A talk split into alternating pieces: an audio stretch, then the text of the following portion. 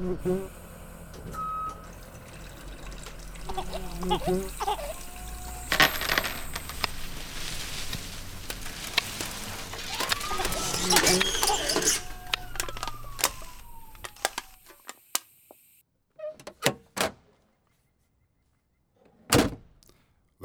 til Yrkesfagpodden fra Kompetansesenter for yrkesfag, Nina Åkernes, som er universitetslektor ved yrkesfaglærerutdanninga her på Oslo OsloMet.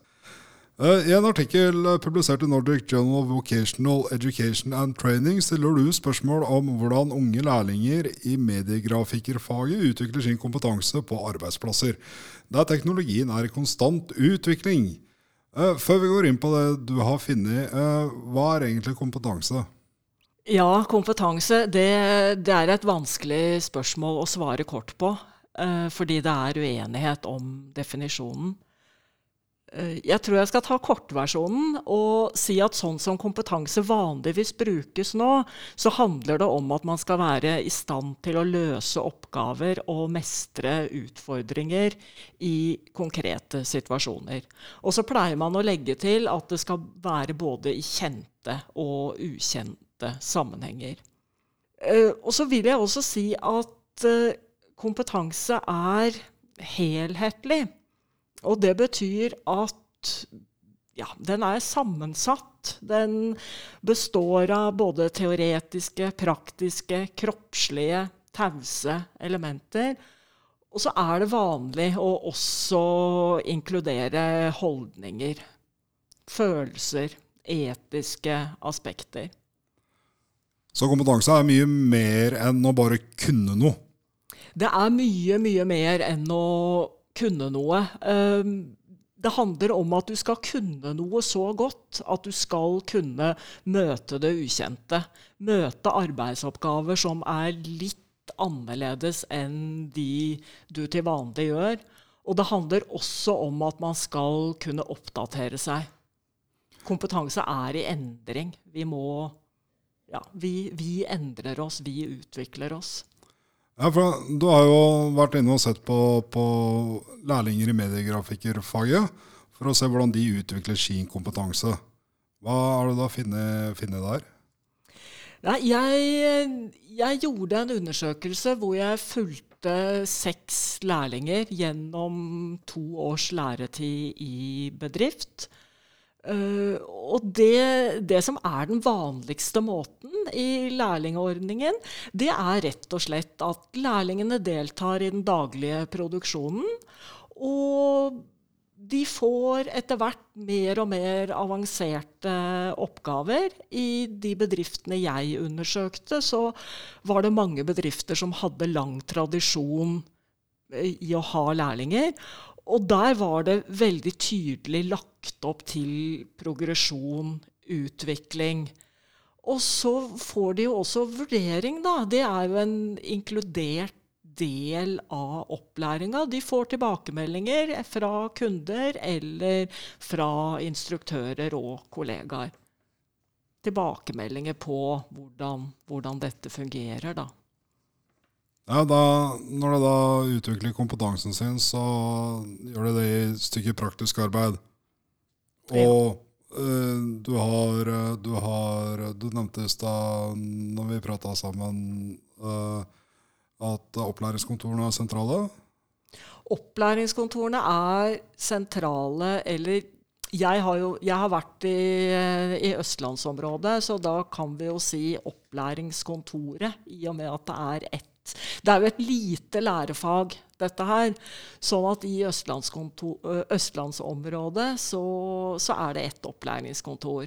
Og i tillegg til at lærlingene deltar i produksjonen, så er de også jevnlig på kurs på opplæringskontoret. Og det er særlig da vekt på programvarekurs. Ren, ren, teknisk utvikling, eller er det altså noe type kreativt og ferdighet? Det er kre kreativt også, men øh, jeg opplevde nok at både kollegaene i bedriftene, instruktørene og lærlingene syns at det viktigste utbyttet de hadde av kursene på opplæringskontoret, var den oppdaterte programvarekompetansen. For dette er jo et fagområde hvor den teknologiske utviklinga går veldig fort. Det er stadig nye måter å produsere på, nye, ny programvare og oppdateringer i eksisterende programvare. Du stiller også spørsmål om lærlingene, eller du stiller kanskje lærlingene spørsmål. Jeg er ikke sikker på hvordan dette fungerer, men eh, om, eh, i undersøkelsen din om lærlingene er noviser og eksperter på samme tid. Hva, hva menes med det? Med det menes det at, uh, som jeg sa, den teknologiske utviklinga går så fort at det er en utfordring for de som jobber i bransjen, å være oppdatert. Og så kommer disse unge lærlingene inn, da, som kanskje har som kanskje har vært veldig opptatt av datateknologi, programvare, som har fått muligheten til å lære seg mye både gjennom skolegang og gjennom aktiv bruk av datateknologi på fritiden. Og så får de også muligheten til å gå på disse programvarekursene på opplæringskontoret. Mens eh, kollegaene, de, de er ikke på kurs. Ikke sant? Og det, og det, betyr jo at i noen tilfeller så har jo lærlingene da vært den personen i bedriften som har mest oppdatert programvarekompetanse. Og det betyr at uh, de andre i bedriften lærer av lærlingen. Sånn at man har hele dette ja, mesterlæreopplæringen. Den blir snudd på hodet, da, i og med at de eldre lærer av den yngste. Men så er det jo noviser også, fordi at uh, det jeg også fant ut gjennom denne undersøkelsen, det er jo at datateknologien det er en veldig, veldig viktig del av yrket. Men det er også bare verktøyet. For det som er basisen i yrket, det er jo den grafiske utformingen. Det er typografien, det er komposisjonen, det er hvordan disse trykksakene eller nettsidene ser ut. Og det er en kompetanse som det tar, tar ganske lang tid å bli ekspert. Og da er jo lærlingen novise på det området. Så det er på mange måter Det som er litt morsomt, er jo at det er et spenningsfelt, kan man kanskje si, mellom det å være nybegynner, det å være novise, det å oppleve at de har veldig mye å lære av de eldre i bedriften, og så andre ganger da kanskje være den som lærer opp læremesteren sin i det nyeste på programvarefronten. Fikk du noe opplevelse eller inntrykk av hvordan det påvirker relasjonen med instruktør og, og lærling? Jeg vil jo si at uh, jeg opplever jo at lærlingene ble veldig anerkjent i bedriftene for, uh, for den kompetansen. Og jeg Ja, jeg, jeg, jeg syns at det, det, var noe som jeg la merke til. At uh, det var i liten grad sånn at lærlingene var de som kokte kaffe eller gjorde det forefallende arbeidet. De deltok i, i veldig stor grad og var jeg, jeg opplevde, De opplevde seg nok som likeverdige, selv om de var, var veldig unge. Ja, så Det kan bidra konkret faglig inn i bedriften på første dag med programvarekompetansen sin? Ja, Kanskje ikke fra første dag, for det har, det har jo litt med alder og ydmykhet å gjøre. Og det som jeg syntes var spennende, var jo at jeg fikk mulighet til å følge dem over to år. Og i begynnelsen så var det nok litt mer sånn at de fikk opplæring i det som var rutinene i bedriftene, på den tekniske måten å jobbe på.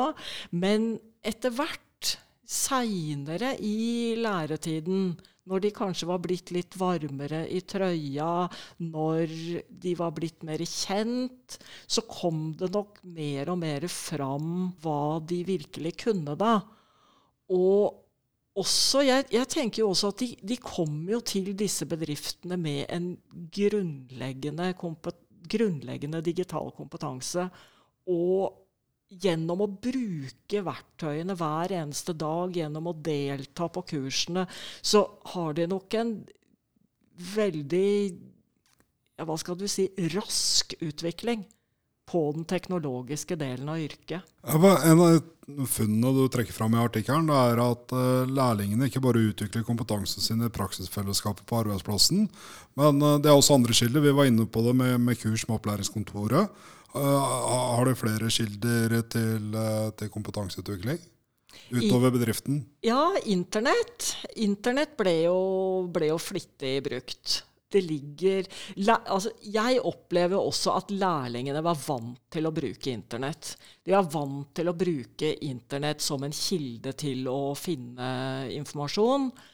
Og eh, de fant jo veldig kjapt instruksjonsvideoer som de brukte til å lære seg. Og det var ikke alltid at det foregikk individuelt. Det kunne hende at flere jobba sammen om å prøve å finne løsninger på, på det samme problemet. For innimellom så sto de jo overfor arbeidsoppgaver som de ikke helt visste hvordan de skulle løse. Og da, da er internett én kilde. En sånn uh, greie med, med, med, skolen er at uh, man kanskje ikke er alltid flinke til å anerkjenne den kompetansen som uh, ikke utvikles i skolens rammer. Men her har det internett uh, på sida og kanskje noe litt sånn arbeid på fritida si. Skjønte jeg det riktig? Ja, fordi at det, det som både jeg og andre forskere har funnet ut, er jo at elevene veksler mellom skole og fritid. At de utvikler også digital kompetanse i fritiden som de tar med seg inn i skoleopplæringen, og de tar det også med seg inn i bedriften. Eh, det var jo en av lærlingene i eh, undersøkelsen som ble satt til å jobbe med ganske avanserte 3D-programmer i bedriften.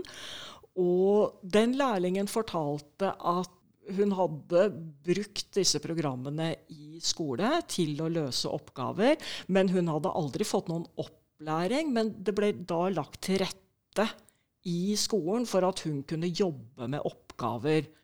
Så jeg syns nok at uh, det virker jo som om MK-skolene har lagt til rette At de ikke ser på det digitale som noen trussel, men at de ser på det som elevenes arbeidsverktøy. MK-skoler, det er medie... Medier og kommunikasjon, eller medieproduksjon, som det er nå, da. Det som er skolegangen før disse går ut i, i lære. Ja, så da er vi litt sånn enige om at uh, lærlingene bidrar til kompetanseutviklinga i bedriften de er lærlinger i. Vi var litt inne på det i stad, kanskje? Ja, jeg, jeg mener det. Eh, på noen av bedriftene så bidro de til at de kunne endre produksjonen. De kunne begynne å gjøre produksjoner som de tidligere ikke hadde gjort. Og man kan si at det er jo en kombinasjon da, av lærlingenes interesse for å lære seg eh, avanserte programmer, og at bedriftene har et behov. Utfordrer det her ideen om at eh, det koster bedriftene penger, eh, bare at det koster bedriftene penger å ha lærlinger? Ja, altså det, det, som er anerkjent i denne delen av arbeidslivet, er jo at lærlingene blir veldig fort produktive. Men så er det jo også sånn at uh, for at lærlingene skal få muligheten til å utvikle denne kompetansen, så er det nok også sånn at man må sette kortvarige økonomiske interesser til side og tenke at uh, nei, nå produserer ikke den lærlingen disse ukene. Nå er hun eller han på kurs for å kunne lære seg uh, og se at det har en nytte nytte, nytte på lengre sikt. da. Erkjenne at lærlingen er novise i perioder, i hvert fall.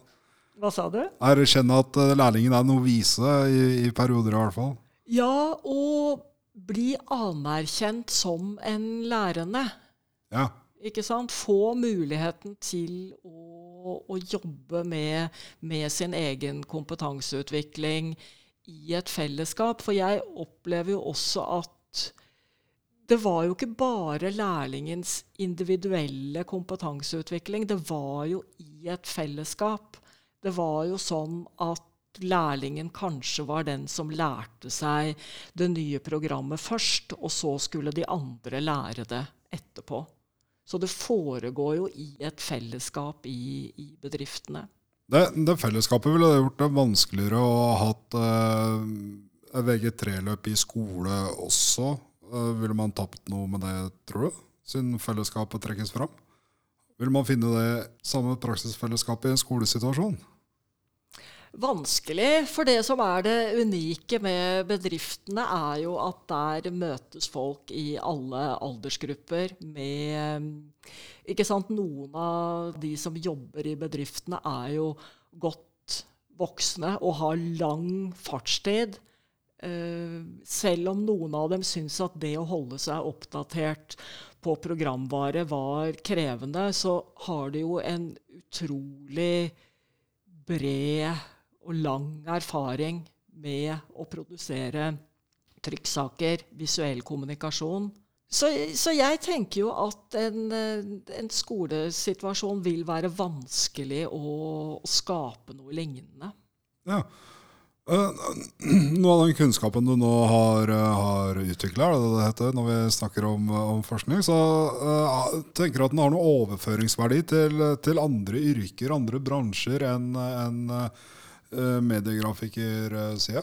Jeg tenker at det handler om det, det, som noen har stilt spørsmål om, det er jo om ja, hvordan kan en lærlingordning fungere i moderne samfunn? Fordi man, noen ser kanskje på lærlingordningen som ja, veldig, veldig tradisjonell. da, At man overfører nærmest den eksisterende praksisen. Mens jeg syns jo at uh, lærlingordningen her er hvis vi skal bruke et ord som innovativ, den viser på en måte at den kan endres og tilpasse seg nye situasjoner.